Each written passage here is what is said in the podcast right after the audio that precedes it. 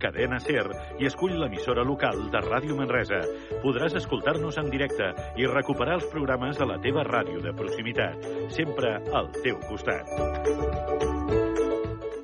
Busques una perruqueria que realment es preocupi per la salut del teu cabell? Amb productes 100% vegans.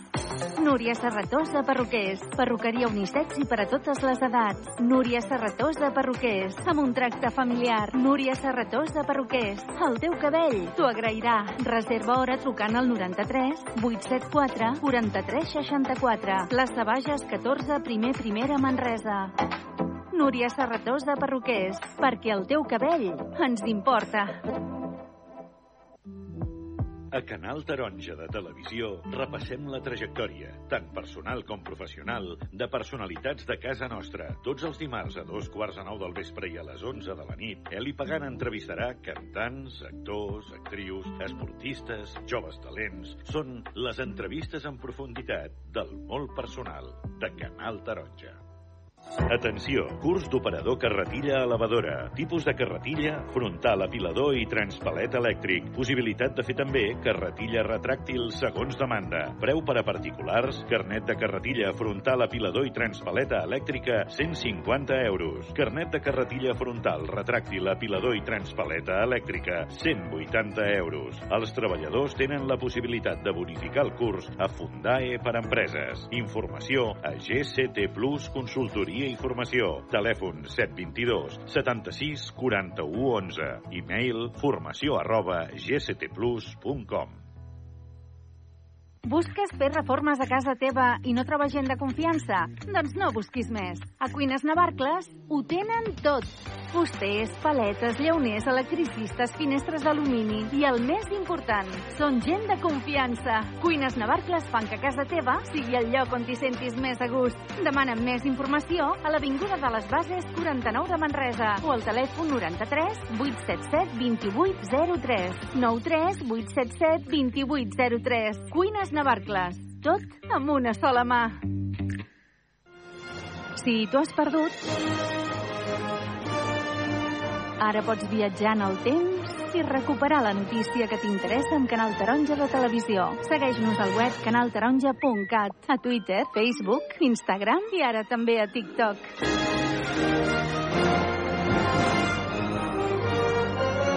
Busca'ns. De Canal Taronja Televisió al món. Una vida meravellosa ens espera algun dia on fugirà el desconsolat plor, les pluges de llamps, les penes i mentides.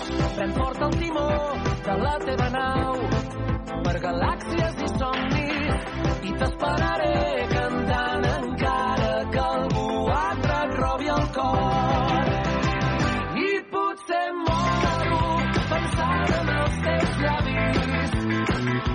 però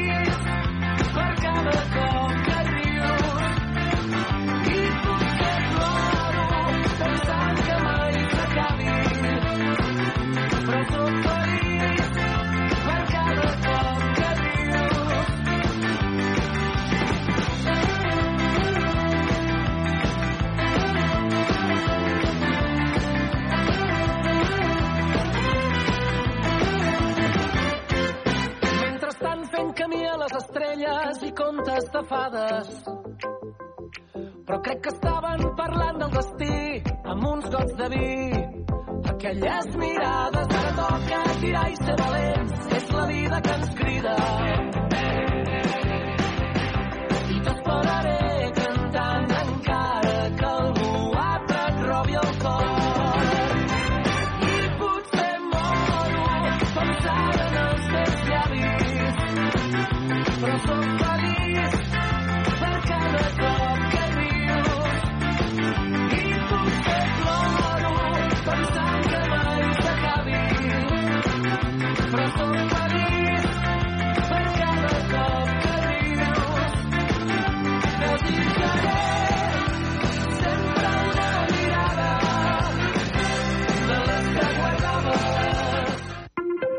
Ràdio Manresa, 95.8 FM, 1539 on a mitja, cadena 100.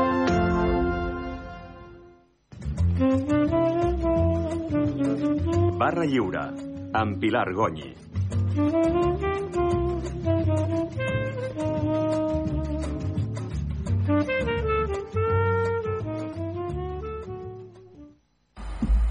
Benvinguts a aquesta tertúlia de dimarts 9 de gener, tertúlia 62 de la 25a temporada. El que estan intentant treure de les platges gallegues i el que comença a arribar a algunes platges asturianes són com petites llenties de plàstic, milions de petites llenties encara més difícils de separar de la sorra que aquell famós xapapote de petroli que va devastar també platges gallegues al novembre del 2002.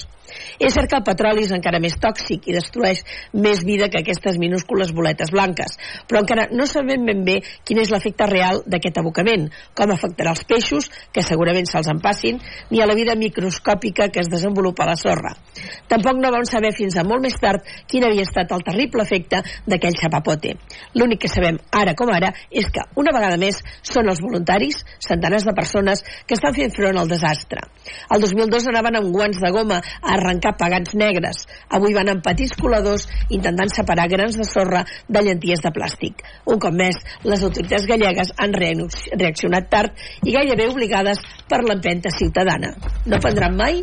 Tenen una de les costes més velles del món i l'estan malaguanyant. Obrim la nostra barra lliure en aquest dimarts en el que volem parlar de la figura d'Àngel Guimarà en el centenari de la seva mort, que va ser el 18 de juliol de 1924. Àngel Guimarà va estar a Manresa. Quantes vegades? Què hi va venir a fer? Per què Guimarà va venir a Manresa? Sí que sabem que el 2009 se li va fer un reconeixement, però clar, de tot això en volem parlar. I qui millor que l'historiador Francesc Comas perquè ens ho expliqui. Benvingut. D'entrada, no faig cap spoiler, però sí que dic que abans de començar ja m'ha desvetllat una cosa que no la sabia que quedarem tots equiparats amb el que explicarà de la figura d'Àngel Guimarà. Gràcies. Diu que sempre l'enredo venir, però no és enredar, és informar a tots aquells que ara ens estan mirant. Moltes gràcies. Mercè, què tal? Molt bé. Sí? Sí, feliç any nou. Igualment. No ens vist. Ha anat tot bé a les festes? Sí, de moment sí. Molt bé, doncs benvinguda. Toni Negro, benvingut, què tal? Molt bé. Les festes bé? Bé, però molt petit con el barbastro. Tu no hi ha Ah. manera. Eh? Em sembla que em canviaré d'aquí, me'n vaig amb el Girona. jo, jo també. No és per anar amb els No, guanyadors, no, però... jo també, jo també. Ja I, som dos. I si no, amb l'equip femení. Eh, home, Del aquest, eh? aquest és el primer, aquest. Exacte. I sí. tant. Àngel Fuster, què tal les festes? Bé, molt bé. Sí? Bé, bé. Ja vam veure per al teu Facebook que fèieu els el- l'Escudella, Cardolla... Escudella de galet, sí, sí. Sí, com, com l'àvia deies, no?, que ho fèieu? Bueno, la recepta és de la meva mare, aquesta, eh? Ah, no és de l'àvia. No. No sé si li va traspassar, però en qualsevol cas la recepta que faig servir és de la meva mare. La fas tu? Sí, sí, sí. Bueno, tampoc és que sigui molt fàcil, és, és el que sé fer, eh? No, tampoc, no sóc gran cuinera jo. però amb la recepta i un cop l'any, sí. Bé, abans de parlar amb en Francesc Comas, ahir començàvem aquesta tertúlia després de les vacances parlant de la cavalcada de Reis de Manresa. Eh, jo us vaig anunciar que havia parlat amb l'Ajuntament de Manresa per saber si volien fer algun tipus de, de valoració, volien fer algun tipus de comentari, ja que les crítiques han estat realment eh, molt dures a través de les xarxes socials eh, hi ha qui diu que no que hi ha hagut en el reel que es va fer 25.000 likes, que va agradar molt però l'opinió majoritària és que aquest tipus de cavalcada no ha acabat de satisfer a la població manresana. També hi hem d'afegir que va començar a ploure, això ja fa que la festa desllueixi, però vaja, que li hem volgut preguntar a l'alcalde Marc Eloi que ens expliqués què pensava ell d'aquesta cavalcada del 5 de gener a Manresa. I això és el que ens ha contestat. Uh, cada vegada que fas canvis, que proposes una cosa nova, uh, és evident que hi ha crítiques, també hi ha uh, aportacions positives, i en la Cavalcada de Reis, que és un esdeveniment que dels més vistos uh, tot l'any a la ciutat, doncs n'hi ha hagut, n'hi ha hagut moltes. Uh, és evident que algunes ens han de fer reflexionar, repensar i incorporar uh, suggeriments de canvi uh, per l'any que ve, però a mi em sembla que la base és bona. Uh, aquí, uh, amb l'agrupació cultural del Bages, que és l'entitat organitzadora de la cavalcada des de fa moltíssims anys ens van demanar suport, un suport sobretot en, pel que fa a la, a la coordinació, però també en la posada en escena, en la direcció artística, i per tant vam anar a buscar unes persones professionals que ens fessin eh, un projecte de nova cavalcada. Eh, ens, ens agrada com ho han plantejat, partint de la base que aquesta és la primera de moltes que han de venir, i per tant podrem anar eh, millorant, incorporant suggeriments, eh, incrementant el nombre de carrosses, el nombre de participants, etc. però que hi ha elements que jo crec que hi han estat eh, importants. Per exemple, l'arribada, aquella arribada preciosa a la façana sud de la ciutat, amb el pont vell, eh, una arribada que per cert va anar a veure molta gent quan, quan no era habitual que l'arribada doncs, fos un punt eh, de, de tensió tan important.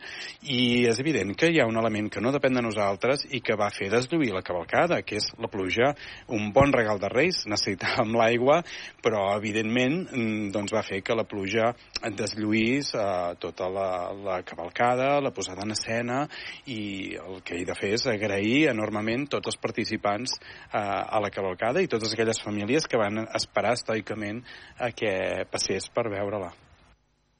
Bé, sí que hem de dir que s'ha de donar les gràcies a totes aquestes persones que sense aquest voluntariat que tenim, sense aquestes entitats, seria impossible tirar endavant cap tipus d'acció a cap ciutat i a cap poble de, de casa nostra i que aquestes persones doncs suposo que deuen estar més refredades que jo després d'haver estat sota la pluja durant unes, unes quantes hores aquesta cavalcada de Reis. Per la resta, no sé, algú va veure la cavalcada? Mm. Jo no. No, Jo també, jo sí. sí. Jo vaig anar amb la meva família, amb els dos eh, petits, i la veritat és que hi havia moltíssima gent i sí que a la gent que, que estava al, al nostre voltant els hi va agradar el que els hi va saber molt de greu que a conseqüència de la pluja doncs ens van fer esperar molt i que no va lluir tot el que el que havia de lluir. En aquest sentit sí que té, li dono la raó a, al Marc Eloi. A nosaltres ens va agradar però ho hagués estat molt millor si no hagués ploure. Jo personalment hi trobo coses positives i trobo algunes coses molt millorables per la banda positiva jo diria estic d'acord amb ell per exemple l'arribada uh, des del, del pont vell llueix molt més que sortir des d'un de, des carreró uh, diguem-ne que no té cap gràcia com era el, el del que sembla que és el Folk i Torres o això. Sí. és a dir, jo crec que el canvi de, de, de la sortida uh, hi ha guanyat és a dir, posem en valor un patrimoni de la ciutat i, i, i llueix molt més també trobo que està bé que, que no tibessin de, de maquillatge per fer veure que hi ha negres, si els que eren negres eren negres i els que no, no ho eren i, i ja està, i per tant també donar un altre aire a tot el que és la caracterització i, i modernitzar-la una mica i posar-la una mica més d'acord amb, el, amb el que és el sentit de la, de la nostra societat d'avui. Jo en aquest sentit penso que són aportacions positives.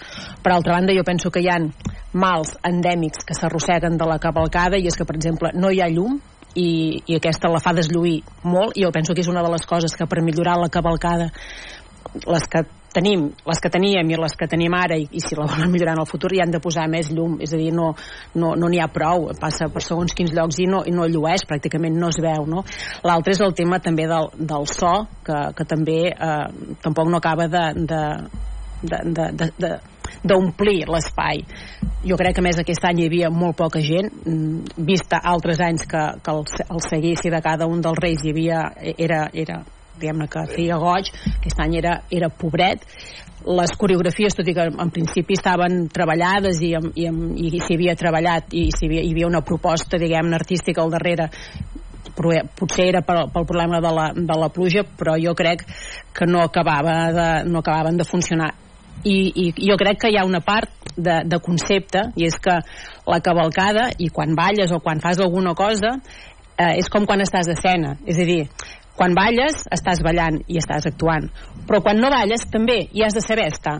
I quan pares de ballar perquè has acabat la coreografia i abaixes els braços i fots una cara de dir uau, ja entenc que la pluja és una, un, una, mala, una mala aliada. Però quan tu estàs a escena mm, estàs a escena i estàs a escena i si són 3 quilòmetres d'escena són 3 quilòmetres d'escena i has d'estar, has d'estar amb actitud i no, no quan ballo estic amb actitud i després quan, va, quan deixo de ballar paro i, i penso que aquests temes de, de, de saber estar penso que no s'han no acabat de, de trobar ara ni, i tampoc en el passat eh? és a dir, és trobar és concebre diguem-ne tota la, la, la la, la cavalcada com un espectacle que en el fons és, no? i de connectar diguem, amb, el, amb el públic. Jo crec que aquestes són coses molt a millorar que probablement, com diu l'alcalde que tenim, tenim marge de millora en els propers anys, òbviament la pluja no hi va ajudar, jo penso que hi ha algunes coses que, que s'han fet bé i que han millorat la, la cavalcada però hi ha moltes coses que molt millorables crec, personalment Alguna opinió, Francesc? Sí, bueno, havia parlat del Guimarà, però no ho dic perquè si m'enrotllo, si començo a enrotllar-me... No, vull dir, jo la vaig trobar curta, o sigui, penso que que està bé, però, però va, va durar, el passeig va durar 7 minuts, 7-8 minuts, vull dir, clar, fer esperar tota la gent, jo penso que, que, que hi hagi uns quantes carrosses més no, no fa mal a ningú, Uh, D'altra banda, també un amic ho deia, l'Àngels, doncs, uh, per exemple, les carrosses, clar, un foco a darrere, que més es veia el foco, no estava ni tapat, ni protegit, no sé, hi ha, hi ha detalls que s'han de millorar, i després jo sento molt una cosa que no heu tret al cas, però jo penso que ha de quedar molt clar, són els Reis Mags, no són els astròlegs. Aviam, jo em sembla que si nosaltres ens tirem pedres sobre la nostra cultura, no sé qui ens la defensarà. Eh? Jo penso que es pot, fer es pot ser molt tolerant, tot el que vulguem, però els reis eren els reis. No val dir és que, com va dir la regidora de Cultura, en altres èpoques eren 12, en altres èpoques eren 9. Bé, des del segle XVI, XVII, amb 7 del 17, està els tres reis mags. I és màgia, és mag. Un astròleg, bueno, un astròleg també podríem dir que té de científic, un astròleg, res potser és més, més, més mag l'altre, no? O sigui, jo, jo trobo que volguer disfressar les coses per ser més inclusius mm, qui perd els orígens perd l'identitat. I amb això sí que penso que no aviam, els infants no, no arriben a aquest nivell. Vull dir, la integració no l'hem de la integració de la societat manresana no l'hem de buscar a través dels tres reis d'Orient un dia el dia 5 de gener pels carrers i és un treball molt més, molt més complicat i molt més complex però no per això serem més inclusius penso jo eh? A part que l'o- l'origen de la tradició és que els tres reis d'Orient eh, diguem-li el nom que vulguem perquè evidentment si això el, el primer que em va parlar va ser Sant Mateu i ho va escriure en arameu imaginem fins que ha arribat a català o castellà el, els noms com han anat canviant. Sí, és així. Sí, sí, bueno. aleshores eh, cal tenir en compte que què, va, què anaven a fer els tres reis? Anaven a veure, a adorar a portar un obsequi al Jesús fill de Maria. Aleshores el simbolisme de la cultura és aquest. Van a donar un obsequi ara no li donen al nen Jesús sinó que porten els obsequis a tots els nens i nenes. Si aquest és l'origen i no el diem ara què fem? a part del ridícul. l'origen és la clau. Exacte. Exacte i això és lo important. I això és l'essència que s'ha perdut. S'ha perdut perquè volem ser inclusius i aleshores ara per exemple que s'organitzarà la festa de la comunitat xinesa la, aquella festa de, de l'any nou que fan ells. No sé, potser que ens plantegem d'anar eh, els catalans a demanar si ens deixen ballar una sardana en aquesta festa. Per ser inclusius, siguem-ho tots, no? dic jo. No, sí, ja no, clar. Aquest és l'error base que eh, ningú en vol parlar, però que nosaltres en aquestes tertúlies sí que n'hem volgut parlar, perquè és que és la pura realitat. És la pura realitat. És igual que un dia al camp del Barça digui, no, avui per ser inclusius, en lloc de tocar l'himne del Barça, tocarem el del Madrid. Baixa el camp, eh? Baixa tot, o no? Sí. Mira, qui perd los orígens perd la identidad. Es Eso una frase que que, mantingut ella, sempre. sí. Què cony? Són los de més. Eh, Hi ha una tradició, s'ha de respetar. I el que no l'agradi, pues lo siento, però la tradició s'ha de respetar. Lo que no podem fer és canviar la tradició. Si canviem la tradició, hem canviat les normes i no hem canviat tot. Estic d'acord que diu. No cal fer això per demostrar que som inclusió. La inclusió s'ha de fer una altra cosa, però la tradició s'ha de mantenir tal com és. Si no, ja no és tradició, eliminem la festa, punto, i deixem-lo, i continuem con, el, con, con. Si el tió resulta que lo canviem i le posem una altra cosa, pues ja no és el tió. Pues la, les tradicions s'han de mantenir. Ui, però se n'ha parlat molt ara, això del tió, també. Que, ui, que no es pot colpejar el tió perquè els nens es poden acostumar a picar. Bueno. Vull dir, unes coses Aviam, que... el, el tió és una festa pagana Sí. que té un origen precristià Sí, sí, sí. perquè el tió el tió era simplement, i això era molt típic, que quan arribava el solstici d'hivern, que era quan el sol era, era més curt, diguéssim, el dia era molt curt i, el, i la nit era molt llarga, a molts pobles d'Europa, i en altres llocs no sé, però a molts pobles d'Europa, era tradició que la gent agafés bastons i anés al bosc i piqués els arbres perquè despertessin, perquè tornessin a rebrotar.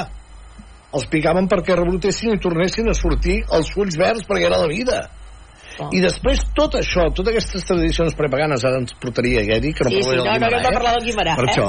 Però totes aquestes tradicions preganes després s'infantilitzen s'infantilitzen, però clar, ells anaven a picar els arbres perquè rebrotessin, perquè rebrotarien i donarien fruit, donarien flor i fruit, que era el del que viurien. Per tant, el que fan després amb els nens és això. És simplement el tio tu el piques i que et donava? Et donava menjar, ja ho sabeu els que tenim una certa edat, però els que tenim una edat a casa meva passava els torrons que ens menjaríem que havia comprat el pare, passàvem els torrons i la mare, i una mica de xocolata, aquelles, aquell, recordeu allò que fan les pastisseries, que hi ha allà botifarra, amb, amb sucre, amb massa pa, sí. hi ha tot de productes de menjar, i això és el que et portava, que era un simbolisme de que tindries menjar pel que vindria. I això era el que li donaven als infants. La meva sogra, que era una casa de pagès, picant el torró, ai, picant el tió, perdó, s'hi donaven una taronja i una mica de xocolata.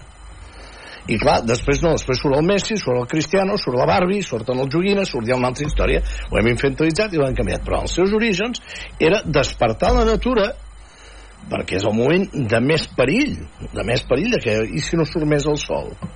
Clar.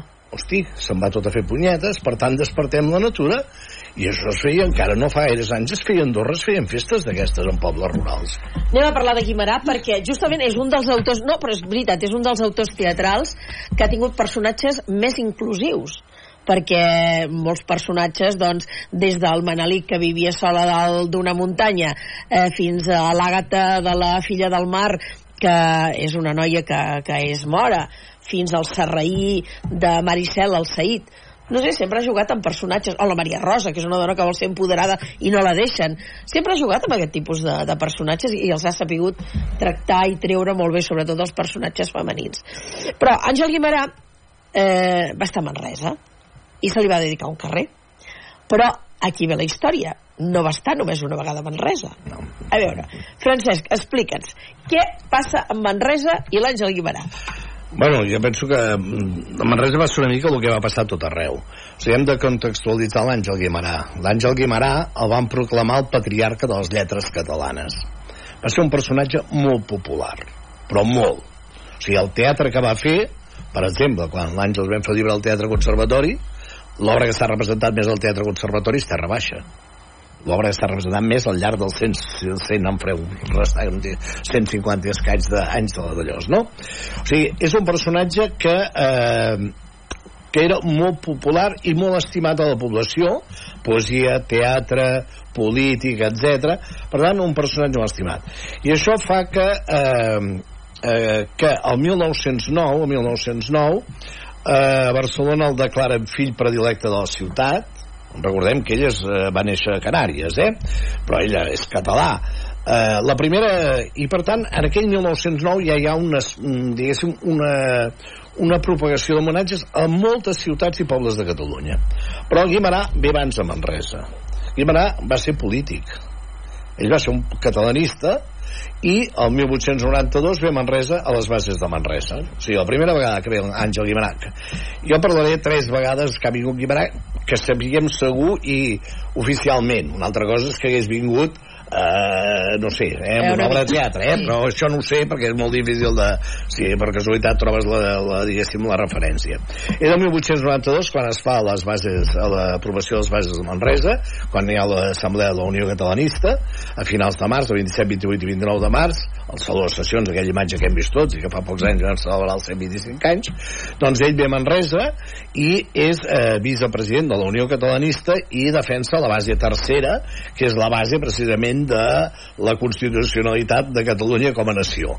I a més, fa un discurs abraonat al Saló de Sessions, és el, és el més més radical de tots, eh? Vull dir, parla de que treus de les flors que són cadenes que us oprimeix l'espanyolisme, vull dir, realment és un discurs fortíssim, eh? perquè ell, en aquell moment, després eh, es parella entre Domènec i Montaner, bueno, això seria una altra història, eh? però la primera vegada seria com a polític. Ell ve com a polític el 1892.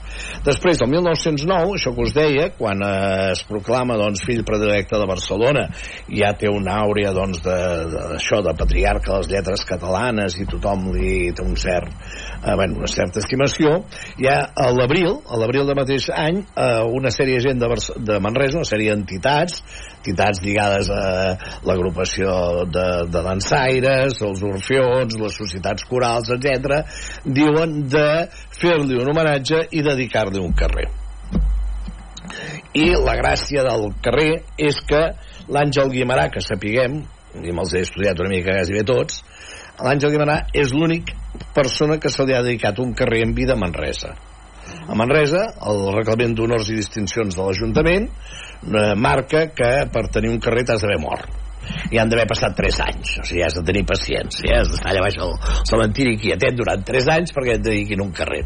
Però en el cas de Guimarà era tant diguéssim aquest fervor popular que van demanar de posar-li un carrer en vida de posar-li un carrer en vida que era el carrer Pas de Cardona. O sigui, el carrer eh, en aquell moment ja es havia començat a construir el que en diem el carrer Guimarà eh, era la sortida de, de plaça Sant Domènec, hi havia el portal de Sant Domènec, per tant aquí començava el camí de Cardona, que simplement el camí de Cardona és quan vosaltres feu Guimarà, prolongació Guimarà, que ara en diem alcalde Armengol, però era prolongació Guimarà, em van dir, carrer Barcelona, plaça Bages i Juncadella, de Juncadella cap on aneu?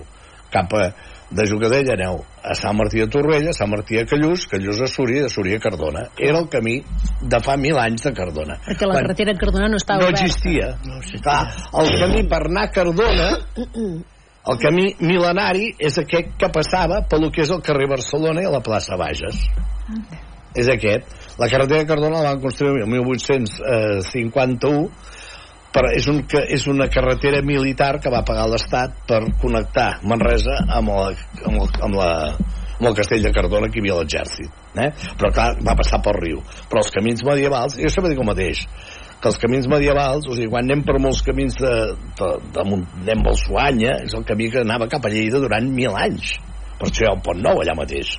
Eh? o quan vaig pel camí del Remei és el camí que anava cap a Berga. No existia la pujada roja anava per... són camins, i clar, els camins no s'han tocat. Clar. no s'han tocat, s'han fet més estrets, més amples. Clar, per això en deien el, camí, el carrer camí ara es deia carrer Pas de Cardona perquè sorties del portal de Sant Domènec, que algun lloc també en diuen portal de Cardona, i anaves amunt.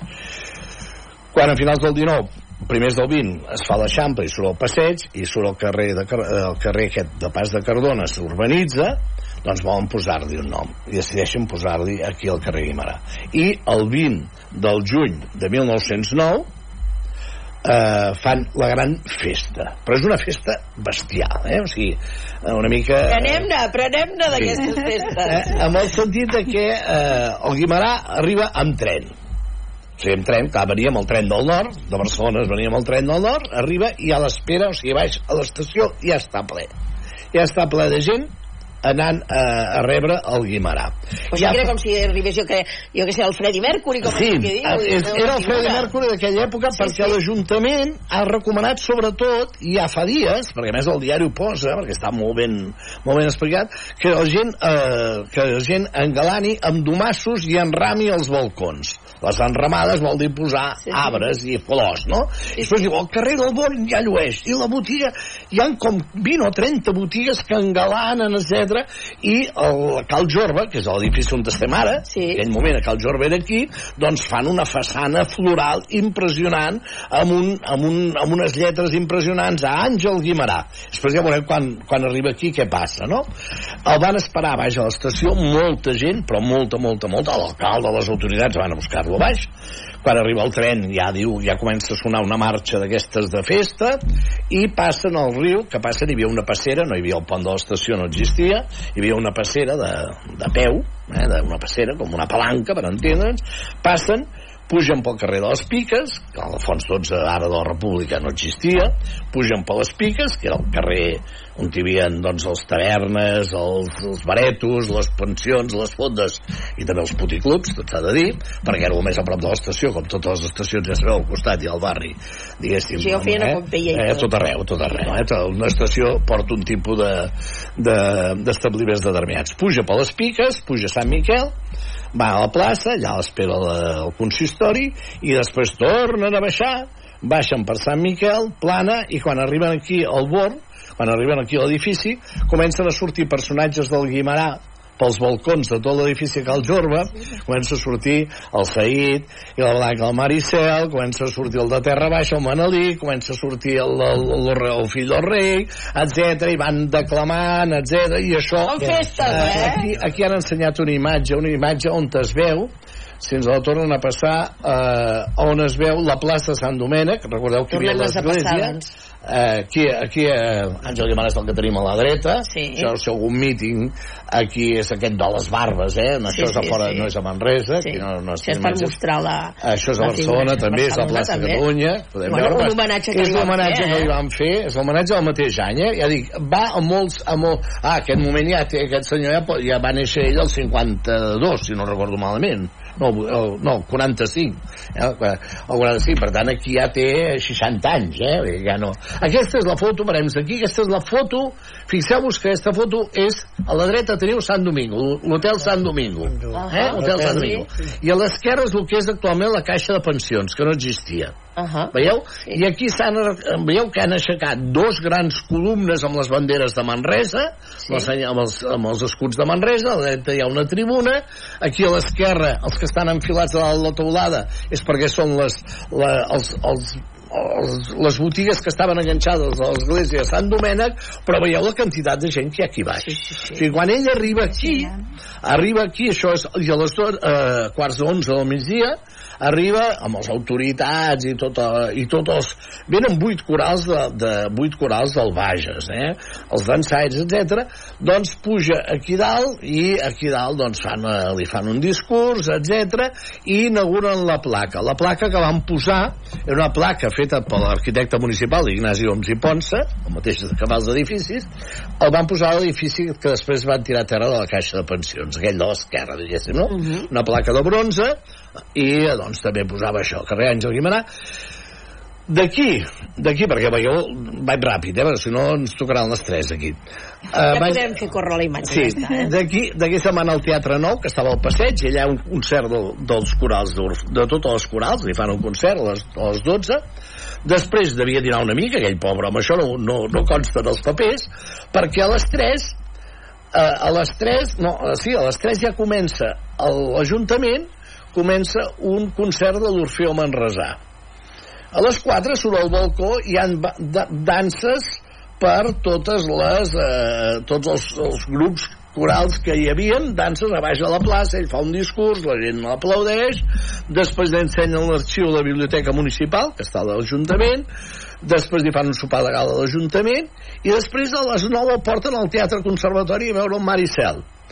Eh? Que dura 3 hores. Que dura sigui 3 hores. Però no, no, mentre el primer acte no el veu perquè el porten als Cardins a veure una altra, a l'Ateneu a veure una altra obra. Eh, el Sol Solet el veu, veu una part del Sol Solet a l'Ateneu. I després el porten aquí i tu dius, el Terra Baixa dura... Eh, no, Maricel dura 3 hores. Doncs bé, Sencera, eh? Sí, Que la versió musical ja estava escoltada. Exacte. Fan Maricel i quan acaben encara fan monòlegs i un altre no sé què i acaba l'espectacle a dos quarts de dues o sigui, el van passejar I es va quedar dormint aquí Sí, es va quedar... No, no, va, home, aquell temps no hi havia trens a dos Ah. quarts de dues, eh? I ara, Ara tampoc. tampoc. Tampoc, ara tampoc. Ara ja ho sabem. I l'any demà a les 11 del matí va marxar. O sigui, realment, vull dir, va ser un espectacle, eh, bueno, perquè la gentada, o sigui, totes les cròniques dels diaris, clar, tenim fotos, tenim hi ha diverses fotos, i les cròniques dels diaris no expliquen la candidat, però lliguen molt aquesta, eh, aquest sentiment de popularitat, de que era un personatge molt senzill, o sigui, de que el poble s'hauria fet senzill, se li ha fet seu perdó i el cas és això mateix, el Terra Baixa i són obres que s'han representat milers de vegades a tots els grups no? I no jo no sóc de teatre vull dir, no tinc cultura teatral molt poqueta però bueno, i jo penso que és una mica equiparable doncs, al Shakespeare o aquesta gent sí. de, de que algunes obres de teatre doncs, allò que jo he sigut jo si he fet teatre he d'haver fet aquesta obra no? però sobretot d'abans eh?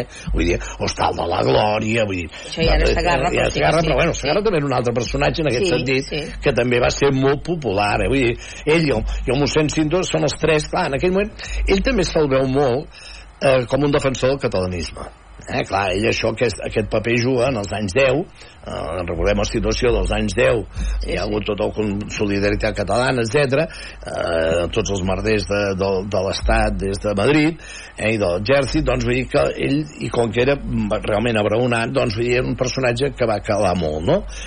I eh, és fàcil que digués aquest carrer. Aquest carrer va tenir la, la placa quan van tirar a terra la casa el 1919 i van aixecar l'edifici de Caixa de Pensions la placa la van tornar a posar. O sigui, es va posar.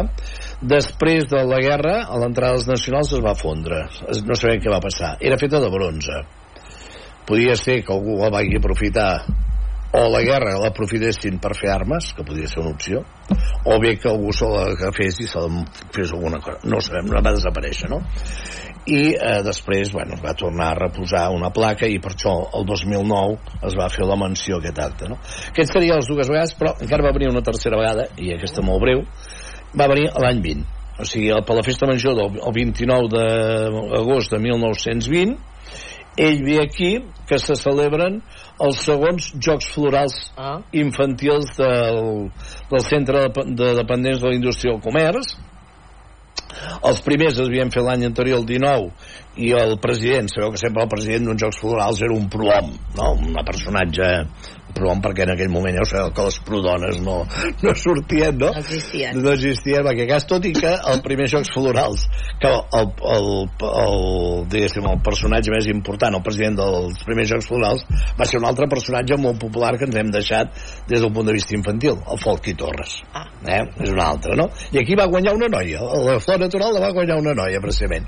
Doncs els segons Jocs Florals que van fer per la festa major, que es va fer al Teatre Conservatori, ell ve a presidir. O sigui, ell ve a Manresa i també torna a ser el mateix, vull dir, torna a ser el mateix de que, doncs, eh, malgrat que diguéssim ve només pels Jocs Florals, doncs al matí també la gent el va rebre baix a l'estació, el tornen a portar a l'Ajuntament, eh, va després als Jocs Florals, però després al vespre acabaran en el Teatre Conservatori, els Jocs Florals són a la tarda, acabaran a veure Aida, una òpera d'Aida, eh, de, no me'n recordo la companyia, però bé, El i és- Cursal? No, el conservatori, no. El 20 no tenim Cursal, el Cursal és del 27. Uh -huh. El 20, no, no, el Com que conservatori. també es va fer el Cursal, per això ho deia. però bueno, devia ser aquelles òperes que també es devia fer freqüentment.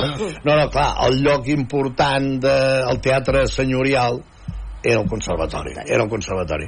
I ell ve aquesta vegada també igual, eh? o sigui, ve aquí i sí, bueno, vull dir, participa en els jocs. El discurs ja devia ser una mica, ell, clar, falta 4 anys per, vull dir, haver ser gran, perquè ell fa un discurs però ja no el pronuncia ell, el pronuncia el secretari dels Jocs Florals, sí que, diguéssim, participa a l'acte, però no i, i ja està, no? Que jo ja dic, eh, que a hores d'avui, avui dia, podem dir que tres vegades l'Àngel Guimarà eh, va ser a Manresa d'una forma oficial i les tres vegades sobretot la segona i la tercera. La primera és un acte polític que queda molt reduït, les ciutats se'n van enterar relativament poc, però vull dir que, que la gent va demostrar la seva estimació i va signar el llibre d'honor de l'Ajuntament, el llibre d'honor de, de la Casa Jorba, etc. no? I, bueno, i un personatge... Home, és que pensem que parlàveu de Terra Baixa que s'havia representat tantíssimes vegades al Teatre Conservatori, però és que Terra Baixa, a un dels països del món on més s'ha representat és a Rússia.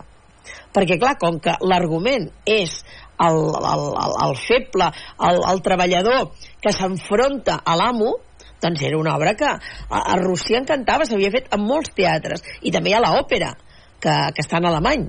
Per tant, vull dir, l'argument és un d'aquells arguments que ha agradat, ja dic, jo vaig al·lucinar quan em van explicar que Rússia era un dels països on més s'havia fet terra baixa. Sí, sí, sí.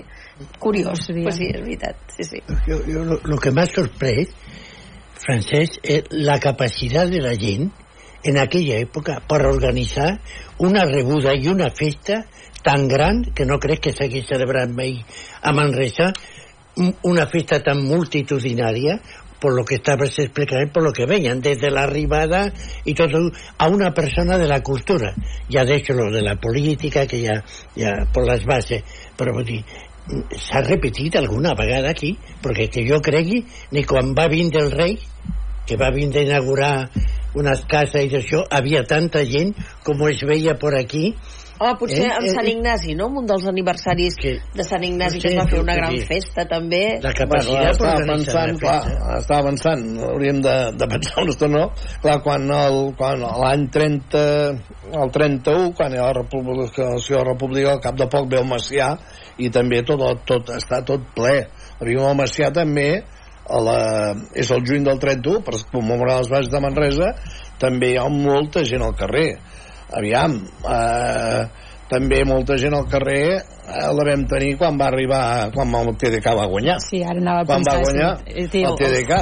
I, I un altre moment que la gent es va tirar al carrer és el 3 d'octubre del 2017. Exacte, exacte. Mai, mai hi havia hagut 20.000 persones al carrer Manresa, perquè clar, aquí estem parlant de molta gent, també pensem que el 1909, ara més o menys estem parlant de, de 25.000 manresans, eh, manresans i manresanes, evidentment.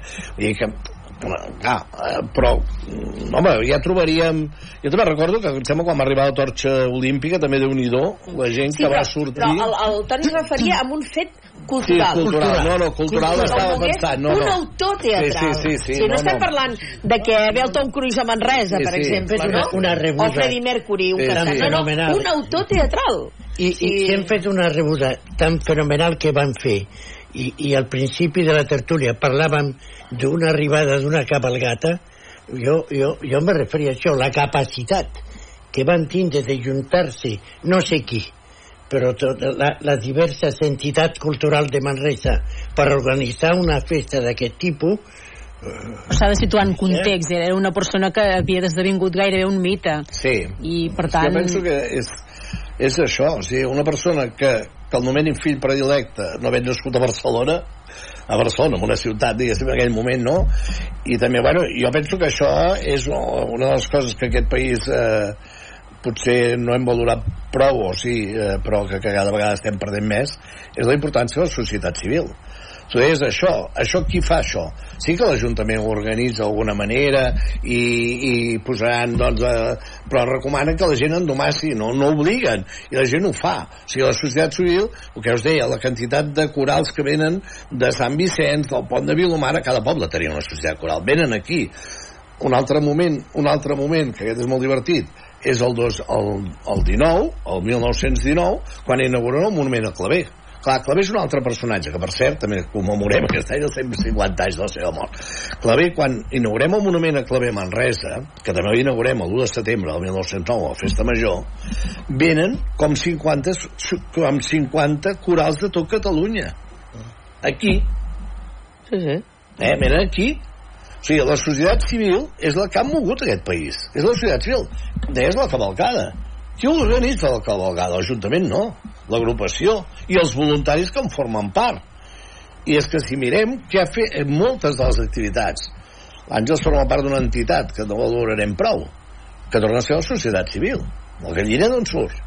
Sí, sí. Eh? I com diu el galliner, 10.000 entitats. I a més a més amb aquest senyor eh, confluïen dues coses. Era, per una part, el seu, el seu paper cultural, però també el seu paper polític. Sí. Aleshores, aquí intervenien moltes més persones o moltes més entitats per organitzar tot això que no en un àmbit, eh, diguéssim, o bé polític o bé, o bé cultural. Era tot, tot en Bueno, general. i, i, que, i, que el, I que la seva obra va saber connectar amb el Clar, sentit popular, clar, diguem no? I que, per tant, eh, segurament hi havia altres eh, autors igualment bons, però que no connectaven amb el sentit de la gent del carrer. I, Clar, per tant, agradava més. Això mateix de que hem dit, eh, que s'han anat representant aquestes obres. Tots els teatres, tots els grups de amateurs Tots han fet terra baixa. han fet Arbaix, han fet a l'Hostal de la Glòria. Ah, sí. sí, eh? I perquè eren els dos, ja ho sé que és l'altre garra, eh? però... Sí, sí, sí. Bé, clar, eren dos, i el, bueno, i el Pitarra perquè té un monument. doncs també, perquè també era un home que connectava amb les obres que, que I el feia. Verdaguer, quan es mor mossèn Cinto? Bueno, clar, sí. Tot, quanta gent va sortir a Barcelona? Diu que mai havia sortit tanta gent a Barcelona amb un enterrament com el mossèn Cinto. I no era per la religiositat, sinó era un personatge que se'l van fer seu. Ah. No, no, però per exemple, en el cas de, de Guimarà fer un personatge eh, amb, amb l'esperit femení feminista de la Maria Rosa en aquella època és que és gairebé impensable. No hi ha cap personatge com, eh, com Maria Rosa com la tracten, com, com la menyspreen Clar, vull dir, eh, és una figura que dius mare meva, però aquell home com sabia construir els personatges femenins amb aquella mm, facilitat i, i, i entrant tan endintre perquè l'Àgata la, la, de la filla del mar és un personatge brutal. O la Marta. I, o la Marta, exacte. Vull dir, són personatges, potser aquestes tres són les més rellevants d'obres. En té moltes d'altres evidentment que, que bueno, ara començaríem a dir i no pararíem d'obres de, de, del Guimarà he quedat parada perquè la Sílvia Sant Feliu m'ha comentat que té una obra que és musical, que és la Santa Espina. Sí. O sigui, la Santa Espina surt d'un musical de l'Àngel Guimarà. Jo no en tenia ni idea d'això.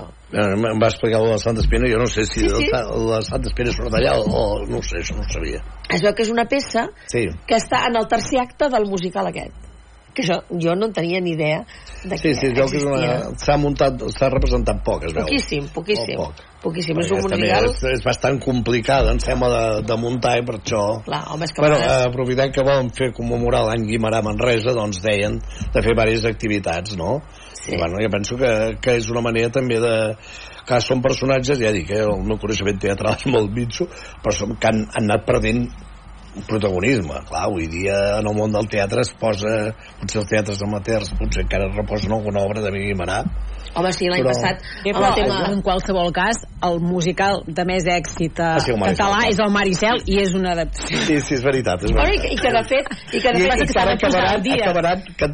Acabaran, I encara tancant aquest any el tornaran a fer. el tornaran a fer Sí, tancant. Però que descaradament de goll de gom diuen que se'n van anar a Londres, van veure Miserables i van dir, home, si han adaptat eh, un Víctor Hugo, com no podem adaptar un Guimarà? Vull, dir, Sí, sí, D'aquí va la sí, sí, història, sí, tampoc. sí, sí. És que es matessin molt a, a pensar-ho i realment eh, és el musical que més s'ha representat, que més s'ha vist i que més ha fet arribar als nanos El Guimarà. sí, sí. al Guimarà. Sí, sí. I Terra Baixa l'any passat, entre que vam tenir el Llop eh, la companyia del Llop de l'Àngel Llàzer i després la Portacelli que va fer aquesta eh, versió molt curiosa també perquè tothom sempre ens hem preguntat què passa després d'haver mort el Llop com s'acaba tota la història per tant que també està, també està Sí, jo vaig, vaig trobar que estaven molt encertades. Vull dir que, que, que un clàssic eh, no s'esgota en ell mateix No, i per no, no. tant eh, eh, et permet posar-lo al dia amb un musical o permet eh, fins i tot eh, imaginar què passa després, no? És a dir, si, si i això vol dir que, que té fons la, la història, si no Sí, la història sí. l'explica, Sí. s'acaba i Sí, ximpon sí, i aquí ja, i ja està I, I també, a més a més, amb, la- amb la versió del llop, l'opressió de l'amo o, o del poderós i, i, i a, contra els treballadors i violador i maltractador, això ho estem vivint cada dia, vull dir, tampoc Sí, sí. no hem de buscar... els, els temes, diguem-ne, són eterns. sí, sí, diguem-ne. universals, no? Sí, Sí, i per sí. tant eh, funcionen. El, el, el, i, si, I si realment el, el conflicte eh, eh, és, és real, diguem-ne, i és humà, diguem-ne, tant se val l'època, no? Sí. Eh, el, el, el pots anar posant al dia. Si és una cosa molt contemporània i molt del moment, en, bueno, és de, de, de fer servir i llançar, dilluns. Quantes obres clàssiques s'han posat en versió Jo, jo moderna? me'n recordo, tinc una anècdota de Maricel, quan el Joan Badia va dir, Toni, hem d'anar a veure Maricel con el grup de repetidors. Jo, hòstia, Joan, con aquest grup de, de nanos conflictius, nos fotran una allà en, en, en el Maricel que ja veurem. Meques, no, no, hem d'anar-hi. Bueno, bueno, pues vale, anem-hi. Vam anar a veure tu. I en part de, de l'obra me toca, diu, goita, el follonero número 1 està plorant. Me diu el Joan, goita, veus? El follonero número 1 està plorant. Vigila les cares de tots que estaven plorant. Dic, Sí, m'agrada És la màgia del teatre, evidentment. Increïble, tu. Sí, sí, sí, sí. basant-se en el text de, de Guimarà. El 2009 es va fer, hem dit també, un reconeixement. Sí, bueno, es va posar el que és sota la placa. Uh -huh. el Pla Comte Pos Àngel Guimarà posa que havia estat inaugurada per ell mateix, no? Perquè una mica això que et deia abans, no? que és l'única únic carrer de Manresa d'antroponímia, diguéssim, dedicat a una persona que es va posar en vida. Jo no sabia que havia d'estar 3 anys una persona sí, morta perquè 3 li anys per ser d'allòs, eh, un carrer, i 5 anys per ser Manresà i Home, té la seva lògica. Sí, dir, sí, veus? Mentre que estàs viu, sota- la, la pots, la que pots pifiar, sota, no? El que posa sota es va posar el 2009, eh? Però, bueno, que va posar aquest homenatge eh, de la ciutat. Sí, no, no, clar, eh, aviam, recordeu que un expresident li va començar a treure plaques. Eh? Sí, sí. I, Sí. clar, també té una certa lògica, Sí, evidentment. és veritat. I un, el millor últim moment de la seva vida s'ho replanteja tot, De no? tota manera deien que Cinc justament anys per ser Manresà il·lustre. Sí. I, no, a partir d'aquí em sé la Sí, pel·lícula, sí, perquè l'he sí, viscuda. ja sé, o sigui que sí, sí, sí. Sí, sí. Però també També deien que a Jordi Pujol li havien volut posar molts carrers i que sempre havia dit que no. No, Això clar, expliquen, eh? Pot ser, que pot no, ser. que no... No, no n'hi ha cap. De... No, que no. Bueno, potser no. n'hi ha algun, no. No, no, no, no, que, no, que ell Hi ha no... les no plaques estava- d'això, ho va inaugurar aquest, això sí, però... Mm. Bueno, però és que clar, nom, canviar noms de carrers, això eh, s'ha Bueno, fet això- tantes vegades Això... que sí, home, sí, sí, sí, sí, I el, sí. el Paseo García Balillo, que algú encara Sí, n'hi diu, sí. Paseo García No Balillo. pot ser que encara algú li... Àngels. Per favor. Sí, sí, sí, sí. Jo et Sí, diré... Jo he vist que el carrer dibuixant Joan Vilanova, Sí. que antigament es deia Capitán Cortés, Mm? I encara hi ha qui n'hi i diu. encara telefònica surt amb Capitán Cortés. Havent vist, i, i encara de vegades ja ara amb els Google Maps diguéssim està més resolucionat eh? però els canvis a vegades també no sé no, no, no, realment no ah, això és una, una eterna discussió dels noms eh, en funció del context polític en què es posen, clar Eh, aquí jo sempre poso l'exemple la plaça de l'Ajuntament té eh, així l'engròs té 8-10 noms ha tingut la plaça de la República plaça de la Constitució, plaça Major plaça Gran, plaça de les- de los caídos manresanos sí. Dels màrtirs, no? els màrtires manresanos de los màrtires dir, sempre eh? Que l'únic carrer que, no, que jo sàpiga l'únic carrer de Manresa que no li han canviat el nom és el carrer sobre Roca. Sobre Roca ja surt del segle XII-XIII sobre Rocha i tot el que vulgueu i a la dictadura del Primo Rivera perquè el sobre Roca era el carrer senyorial de la ciutat on vivia la burgesia manresana doncs al moment de la dictadura del Primo de Rivera van estar a punt de posar calle Primo de Rivera però no hi van arribar a posar. I eh, per tant és el, jo dels noms així dels carrers antics els a més han canviat moltes vegades i una altra curiositat és que el passeig Pere III en els seus orígens s'havia de dir Paseo de Alfonso XIII ai, 12 Ah, bueno, ara es diria Passeig de la República, potser també. i va haver un regidor de Manresa de, que va dir, no, no, no, me posem el nom del carrer del, del rei que ens va concedir el privilegi de la sèquia Ah, i per això d'ahir bueno, que també és molt discutible exacte. però, Però de tota manera, aquí som molt avançats, eh? Perquè encara no fa, us diria, 10 o 12 anys que al País Valencià, eh, a Penyíscola en concret, que sabeu que jo eh, hi vaig força sovint, que el carrer principal es deia Avenida José Antonio. però més, I- més a Castella Eh? més a Castella Sí, i la, i la plaça, la plaça Salamanca i tots Major... aquests estan plens Sí, sí, i la plaça Major es deia Plaza Francisco Franco. Sí, sí. I I, a, I a Santander, José Antonio, Onésimo Redondo, tots, tots, tota l'Eixample, és tots els, tots els falangistes, tots. Sí, sí. Encara ara. Encara. Sí, i a Tenerife quan hi vas el primer que et diuen és que vagis a visitar al final de, de, de l'entrada de Santa Cruz de Tenerife, de la capital, que hi ha un monument que el va fer eh, el mateix eh, que va fer el Valle de los Caídos, que és un, una pedra enorme, que és el Francisco Franco. I quan hi vas et diuen, vagi a veure allò que li agradarà molt. Sí, és, és que Oh, és així. la memòria, bueno, això, de la memòria històrica tampoc s'ha aplicat. Eh, però vull dir que aquí encara són bastant avançats en aquest No, aspecte. no, no tant com haurien de ser perquè jo trobo que falten noms que ja n'hi ha ara no fa gaire, gaires anys que s'han posat però que faltarien més fer canvis eh, Noms de dones. sí, Sí, sí. Perquè a la societat també hi ha persones Però mira, de moment, de manresanes il·lustres ja en tenim dos, que fins fa poc només teníem la mare Serafina, ara ja tenim la Maria Matilde Almendros. Ja anem avançant una, una miqueta. Però clar, és que les coses anaven així. Abans d'acabar, Francesc, una pregunta que et volia fer. Hem vist Barcelona, hem vist Manresa. A tot arreu on anava aquest senyor arribava en honor de No, no multitudes. conec tant de totes les ciutats, però sí que anades a Reus o a altres ciutats, realment sí. Sí, sí, sí. En aquells moments, eh? Vull dir, els anys, ja dic. Mhm. Aquests, els primers dels anys 10, 20, sí. sí, I com que no, no sabem si els periodistes estaven al cas o no, va agradar com feien Maricel aquí a Manresa? Li va agradar o no se sap? No ho posa.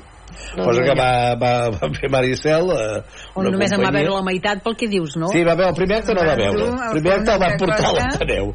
I una companyia Piera, que tampoc sé quina companyia era, clar, 1909, Però ja, no ja posa... sabeu. Que a només- Manresa havia- sempre hem de fer dues coses sí, a la vegada, sí, si no, només no em va fer gràcia que després del Maricel a sobre fa monòlegs i acaba amb una petita obra seva i diu l'espectacle va, va, va acabar a dos quarts de dues vaig pensar, Déu-n'hi-do no penses? Déu-n'hi-do I era, I era, a més a més, era el juny. in sí, O sigui que devia fer caloreta, sí, ja. sí, sí. I però aquell temps no sabia que era l'aire condicionat Ja, ja, ja, ja, ja.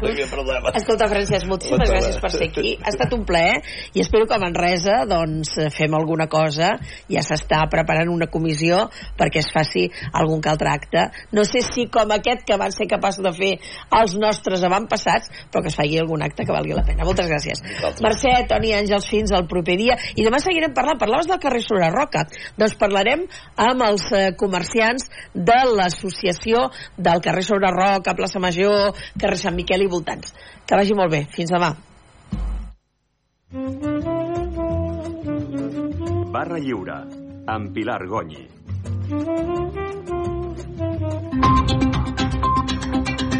Son las 2, la una en Canarias. Hora 14, en la SER. Lo que pasa, lo que importa. Con Javier Casal. ¿Qué tal? Buenas tardes. Era una resistencia incomprensible y difícil de sostener con la marea plástica extendiendo